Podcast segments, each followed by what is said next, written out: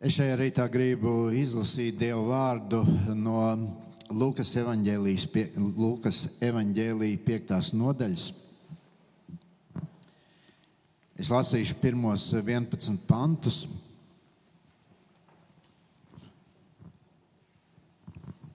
Lūkas evanģēlijas 5. nodaļa, 1. 11 panti. Kādu reizi ļaudis pie viņas spiedās un klausījās Dieva vārdus. Bet viņš stāvēja pie Ģeneceretes ezera. Tad viņš ieraudzīja divas laivas ezera malā stāvam, bet zvejnieki bija izkāpuši un mazgāja savus tīklus. Bet viņš kāpa vienā laivā, kas piederēja Sīmanim, un lūdza nocelt mazliet no malas. Un viņš nosēdās un mācīja ļaudis no laivas. Un beidzot runāt, viņš sacīja uz Sīmani: dodies uz augšu un izmet savus tīklus. Un Sīmanis atbildēja un viņam sacīja: Meistar, mēs cauru nakti esam strādājuši un nenieka neesam dabūjuši. Bet uz tavu vārdu es gribu tīklus izmest. Un, tie, un to darījuši Tie saņēma lielu pulku zivju, tā kā viņa tīkls plīsa. Un tie metā roku saviem biedriem otrā laivā, lai nāktu palīgā vilkt. Un tie nāca un piepildīja abas laivas pilnas, tā kā tās tikko negrima. Sīmanis Pēteris to redzēdams, krita Jēzum pie kājām un sacīja: Kungs, aizej no manis, jo es esmu grēcīgs cilvēks.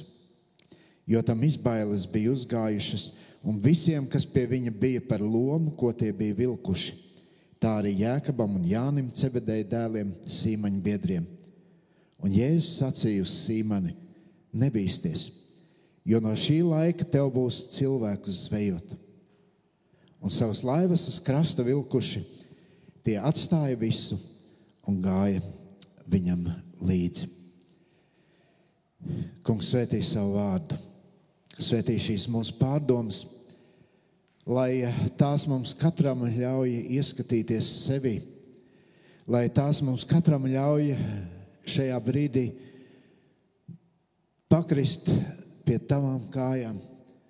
Un, kungs, lūgt, lai tu katru no mums personīgi uzrunā, lai tu mums katram personīgi pieskaries.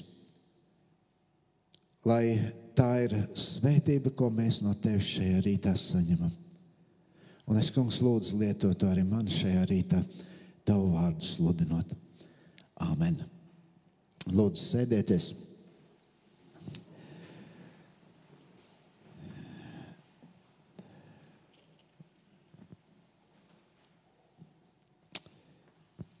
Šajā laikā man arvien biežāk uh, sirdī skan šī dziesma, ko mēs bieži varbūt nosaucam arī par baptistu himnu. Un, uh, es domāju, ka tāda, tādai viņai arī būtu jābūt. Un īpaši jau tas uh, viens pants, trešais pants šajā dziesmā. Šeit brāļa ciešanas kā savas justas tiek un līdzietības asaras tek bieži vienu kopu. Jā, mēs šodien ar vien biežāk, kad sarunājamies, tad uh, sakam viens otram, man sāp sirds par to, kas notiek. Mani tas tik ļoti skumdina, kas notiek šodien. Un, kad mēs sakām šos vārdus, tad uh, varbūt uh, tas jau nav domāts uh, kādas tādas fiziskas sirds sāpes, ko mēs izjūtam.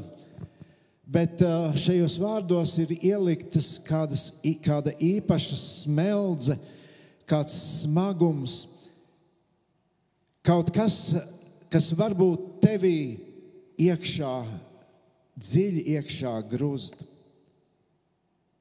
Un tad ir tāda sajūta, ka it kā tev pat tā reāli trūktu elpas. Un ka tu vairs nespēji tā īsti koncentrēties tam, kas tev būtu jādara. Vakar es runāju ar vienu cilvēku, un viņš saka, zini, man ir kaut kas jādara, es laikam braukšu. Es tāpat mājās neko īsti nevaru padarīt. es mēģināšu kaut kādā veidā palīdzēt, cik tas ir manos spēkos. Tik bieži mēs dzirdam, man sāp, man ir smaga sirds. Un cik daudz, cik daudz vēl vairāk cilvēki nemaz to nesaka, viņi varbūt patur šo smagumu sevī, cenšas noslēpt.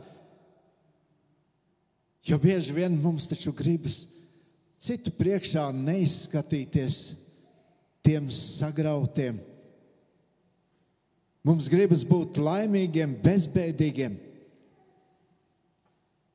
Un arī šodien, kad tu ej sarunājies ar cilvēkiem, un tu viņiem saki, nu kā tev iet, bieži, pār, es domāju, pārāk bieži tā atbildējiet, ai, man iet labi. Varbūt tur ir arī tas iemesls, nu ko tad es apgrūtināšu. Otrs jau tāpat nespēs tajā manā situācijā un uh, manos apstākļos, varbūt manās domās, manos pārdzīvojumos iejusties. Un tur jau ir zināma taisnība, jo arī gudrais Salamans saka, ka sirds pati vien zina savas sāpes, un neviens svešinieks nevar pilnīgi iejusties tās priekos.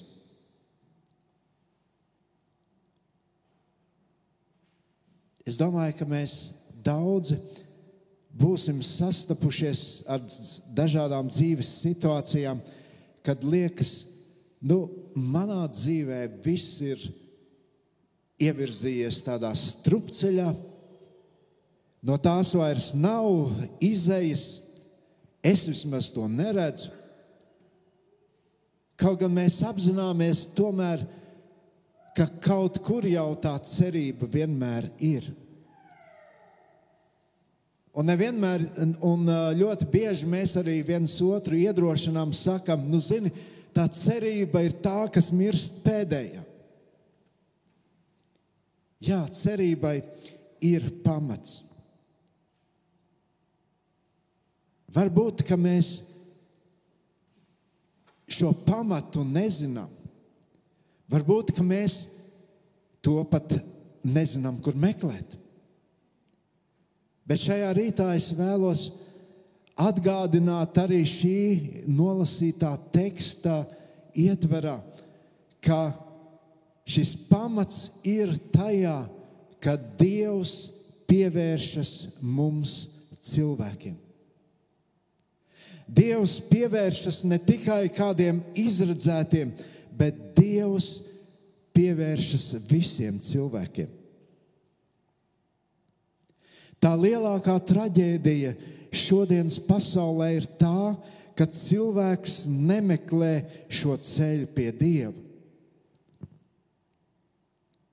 Kad es domāju par šo tekstu, par šiem zvejniekiem, tur ģenerēta Cezara krastā, tad es viņus tur ieraugu kā vīrus, kuru sirdis bieži bija tādas smaguma pielietas. Jā, kā jau vīri, viņi necentās varbūt to izrādīt, jo tas jau nepiedara pie vīrišķības. Bet šī ārēji it kā vienmuļā ierastā dzīve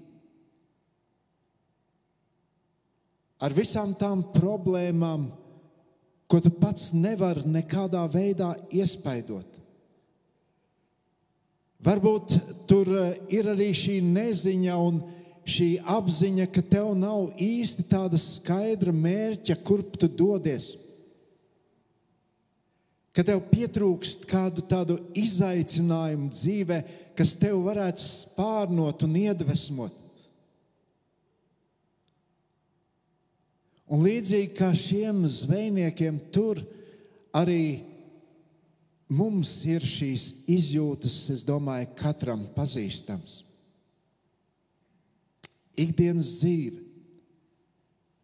Viņiem toreiz tīkli, jūra, zivju tīrīšana, tīklu lāpīšana, rūpes par ģimeni, rūpes par iztiku. Paiet diena, paiet nedēļa, paiet mēneši, un tu atkal un atkal esi šajā ritenī, un nekas nemainās. Un bieži vien ir lietas, kas tevi nospiež. Arī šī pierastība. Un tad vēl klāt tas, ka tu esi pūlējies, tu esi darījis to labāko, un tu izvelc tīklus, uz ko tu esi licis lielas cerības, un tie ir tukši. Es domāju, šis laiks daudziem liek uzstādīt šo, šos jautājumus, šos lielos jautājumus. Kādēļ mēs esam šeit, šajā pasaulē? Kāda tad galu galā ir mana dzīves jēga? Kāds ir tas mērķis, uz kuru es dodos?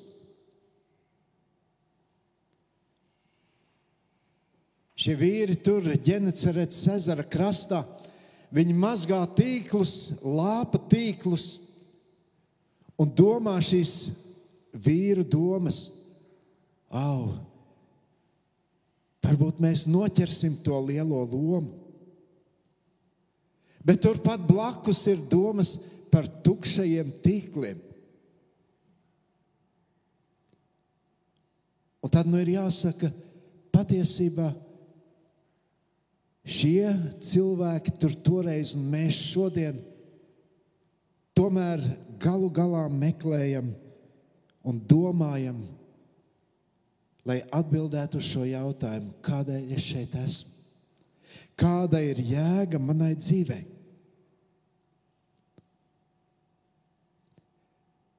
Vai ir kāds, kas var dot atbildi? Vai ir kāds, kas spēj ieklausīties arī tajās klusajās domās? Vai ir kāds, kas spēj atbildēt arī uz šiem lielajiem un grūtajiem jautājumiem? Un tad es atbildu, ieraugu vienā no šiem pantiem, kurus mēs lasījām. Un tur, te, un tur ir teikts, viņš, Jēzus, ieraudzīja divas laivas ezera malā stāvam, bet zvejnieki bija izkāpuši un mazgāja savus tīklus. Vai nav brīnišķīgi vārdi? Viņš ieraudzīja, viņš redzēja, viņš pievērsās viņiem. Priekš viņa šie cilvēki toreiz un šodien mēs, katrs priekš Kristus, mēs esam svarīgi. Dievs mūs redz, un Dievs pievēršas mums. Mēs, mēs nevaram no mūsu dzīves, ja tā varētu teikt, šajā ģenerētas ezera krastā, tā vienkārši izrauties ārā un nedomāt, par to, kas ir mums visapkārt, kurām, kur mēs esam iekšā. Bet šie vārdi mums atklāja, ka Jēzus ir tas, kurš pienāk mums pavisam tuvu klāt. Kurš arī mums šodien saka, es redzu tavas laivas, es redzu tavus tīklus, es redzu to, ka tie bieži ir tukši Es redzu tavu sirdi, kas bieži vien ir smaga. Es pazīstu tavus jautājumus, uz kuriem tu meklē atbildes. Viņš, Jēzus, ir šeit pat, un viņš pievēršas katram no mums.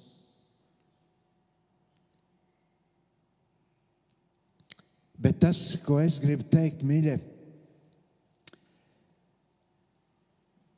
Jēzus nekāpj ar varu tavas dzīves laivā iekšā. Viņš nekāpj ar varu arī manā dzīvē. Viņš ir tas, kurš vēršas pie tevis ar jautājumu, vai tu atļausi? Vai tu atļausi, ka iekāpju tavas dzīves laivā? Un es domāju, ka arī šis izaicinošais laiks, kur mēs meklējam atbildes uz daudziem jautājumiem, ir tik izšķiroši svarīgs, lai mēs atbildētu arī uz šo Dieva mums uzdoto jautājumu. Atklāsmes grāmatā mēs lasām, redzi, es stāvu durvju priekšā, tavu un manu durvju priekšā un klaudzinu. Ja kas dzird manu balsi un durvis atdara, es iešu pie viņa un turēšu ar viņu mīlestību, un viņš ar mani. Tavā un manā ziņā ir sacīt, Kristu, es atveru savus sirds un dzīves durvis tev. Tavā un manā ziņā ir to sacīt. Bet tad, kad viņš ienāk, ja mēs šīs savas sirds durvis atdaram, tad ir labi, ja mēs viņam tā patiesi arī pastāstam to, kā mēs katrs jūtamies, ko mēs piedzīvojam. Jā, ir tik grūti cilvēku priekšā izkratīt savu sirdi. Ja mums liekas, vai es tikšu saprasts, bet Dievam tu droši vari teikt visu. Līdzīgi kā šiem cilvēkiem, šiem vīriem, kuri tā arī pateica. Kungs, mēs cauru nakti esam zvejojuši, strādājuši, bet viss pa tukšo. Mēs nekā neesam dabūjuši. Un tad, kad tu esi godīgi, tad, kad tu esi godīgi pateicis visu, tad tu gatavojies saņemt atbildi.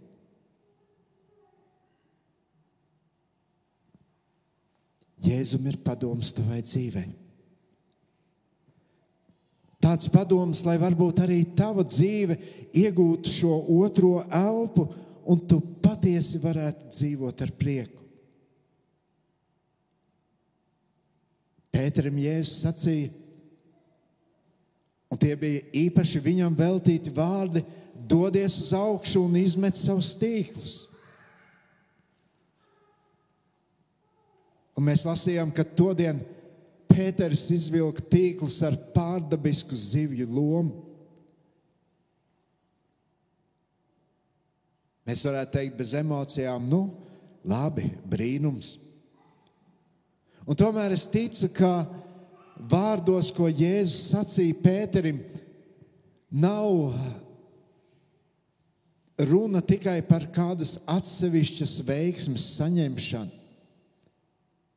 Nav runa tikai par palīdzību kādā krīzes brīdī, ko cilvēki bieži vien meklē. Meklē tad, kad tu jūties sagrauts, sagrauts kad ir varbūt grūti laiki tavā dzīvēm. Runa iet par jaunu virzienu tavai dzīvei, par jaunu sākumu tavai dzīvei. Citiem vārdot, vārdiem sakot, toreiz Pēterim, Jēzus gribēja teikt, turpmāk saskaņo visu ar to, kas ir augšā. Saskaņo savu dzīvi ar Dievu, viņa plāniem, viņa nodomiem, viņa gribu. Mīļie draugi, ko tev šodien, ko mums šodien nozīmē šie vārdi? Dodies uz augšu. Vispirms tas nozīmē dodies dzīvajā Dieva vārdā. Tur tu atradīsi Kristus sacītos vārdus, tur tu atradīsi pašu Kristu. Tur būs tā mēraukla, ar ko tu varēsi saskaņot savu dzīvi. Mums katram ir jādodas tur, lai mūsu dzīve varētu būt piepildīta ar Kristus klātbūtni. Saskaņo ar Dievu vārdu gan savas domas, savus vārdus, savu rīcību. Un tad vienkārši vēro, kas notiks. Vēro, kādas pārvērtības notiks pie tevis personīgi, un kas notiks tavā dzīvē. Mēs lasījām, un to darījuši tie saņēma lielu pulku zīvju, tā kā viņa tīkls plīs. O, nē, te neiet runa, ka nu, mēs visi kļūsim par miljonāriem, ka mēs iegūsim kādu milzīgu peļņu rīt un atkal parīt. Runa nav par to, ka mēs tādi kļūsim caur kādiem dievu brīnumiem, bet runa ir par to, ka tava sirds piepildīsies ar mieru.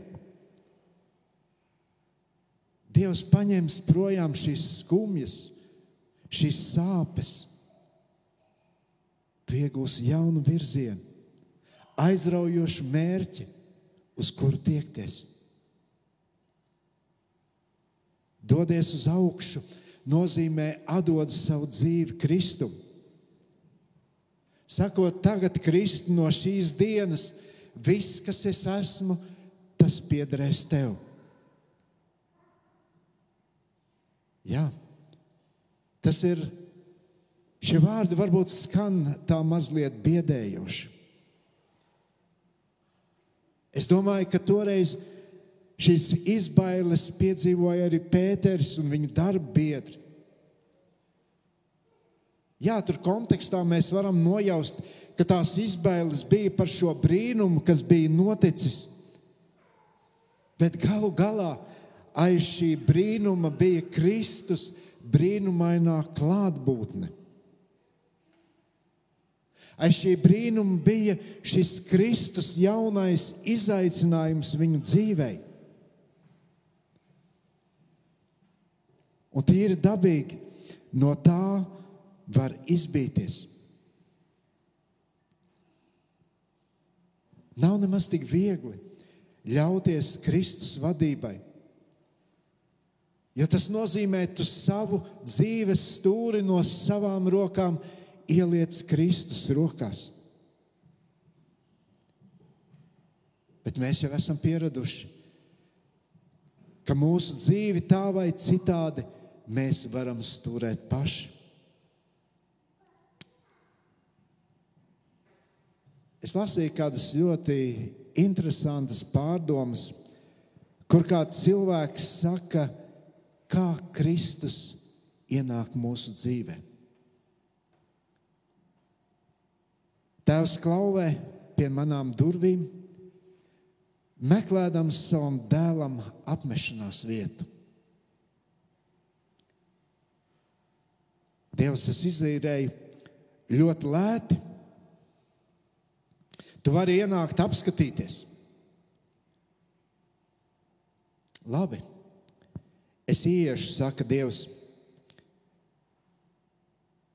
Dievs, es varētu tev piešķirt divas istabas no tā, kas man pieder. O, jā, man patīk.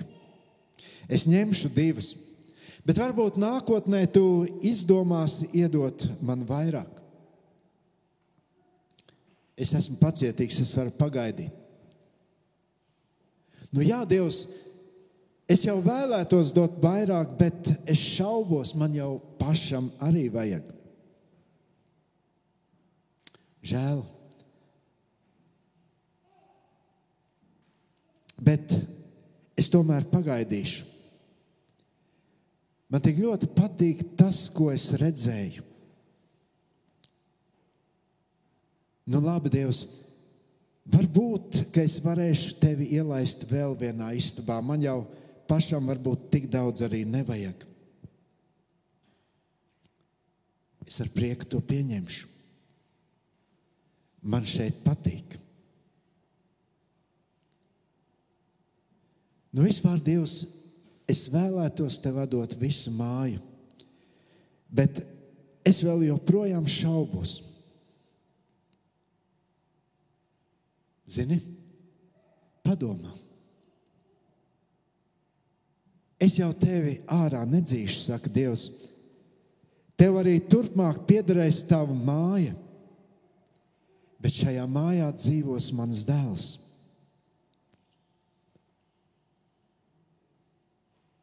Es tā īsti nesapratu. Es zinu, Dievs atbild, bet nevaru paskaidrot. Tev tas pašam jāpiedzīvo. Un to tu varēsi piedzīvot tad, kad tu ielaidīsi viņu visā mājā. Protams, nedaudz riskanti, bet pamēģini. Man tiešām šeit patīk. Ziniet, es lasīju šo dialogu tik interesantā veidā uzrakstītu, un man liekas, te ir kaut kas arī no mūsu dialoga ar Dievu. Jo arī mēs tik bieži vien baidāmies, bet Dievs ir pacietīgs ar mums. Viņš joprojām gaida. Viņš joprojām mūs iedrošina. Dievs joprojām vēlas, lai mēs saprastu, ka tieši ar viņu ir viskaistākā dzīve un pēcgalā arī mūžīgā dzīve. Pēters, Jānis un Jēkabs tajā dienā Ģenecerats Cezara krastā sacīja Jēzum savu jā.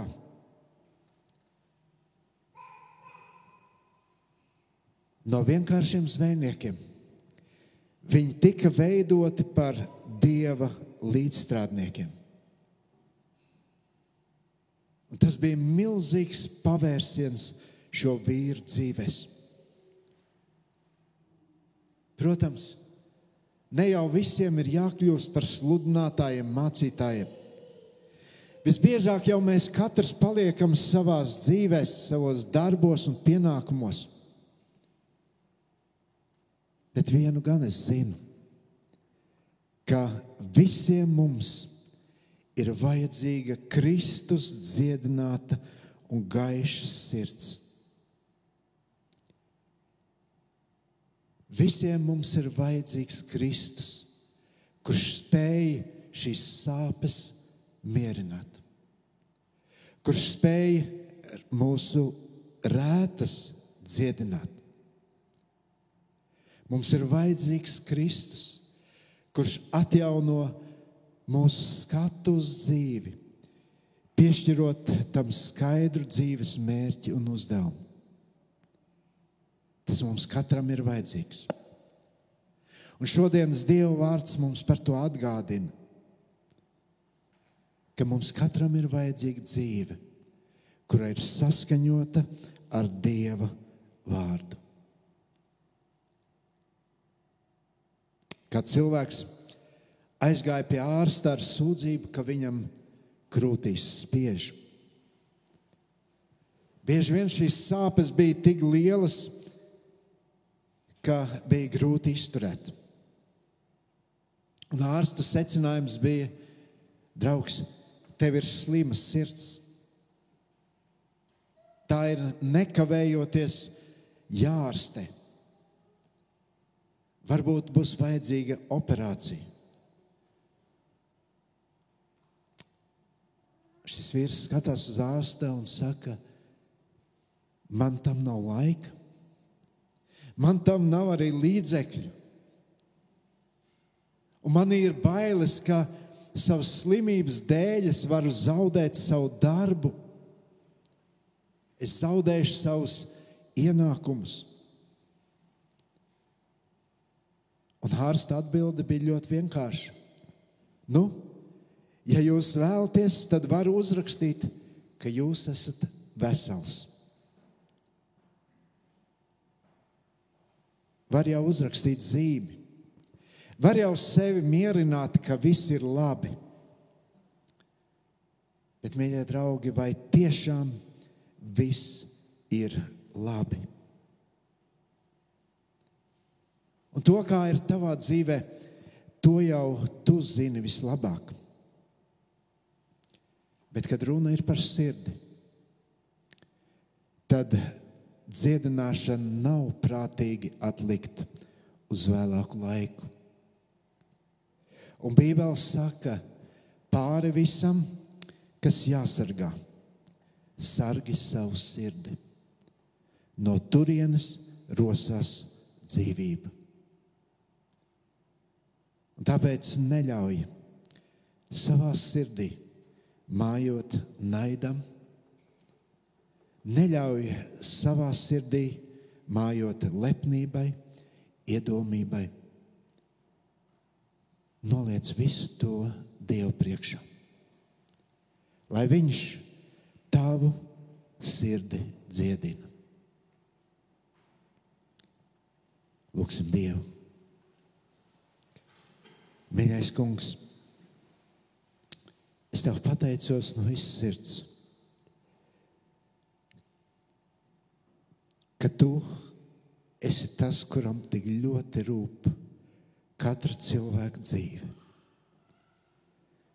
Un varbūt mēs savā ikdienā esam tik ļoti pārņemti ar to un domājam, ka mēs varam paši ar visu tikt galā.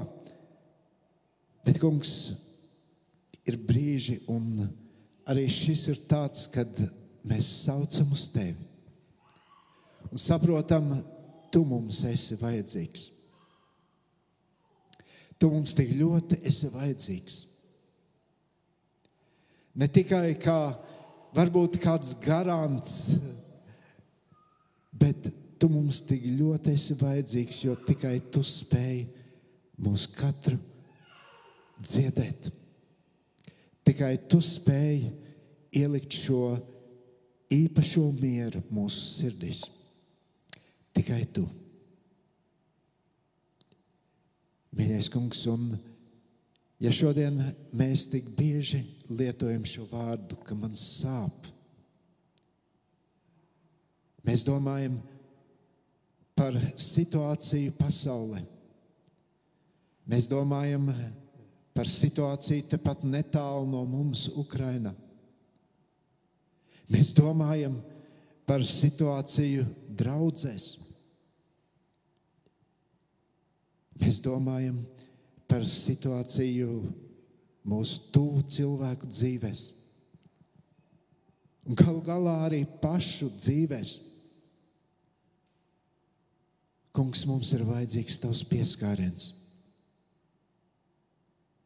Un paldies, ka tu mūs redzi jebkurā dzīves brīdī, jebkurā dzīves situācijā. Kungs, mēs nespējam no tevis neko noslēpt. Un mēs jau varam viens otram sacīt, ka mums jau iet labi. Bet, kungs, tu zini, ko mēs patiesībā katrs sevī nesam. Tāpēc pieskaries mums un dziedini mūsu. Jēzus tavā vārdā lūdzam.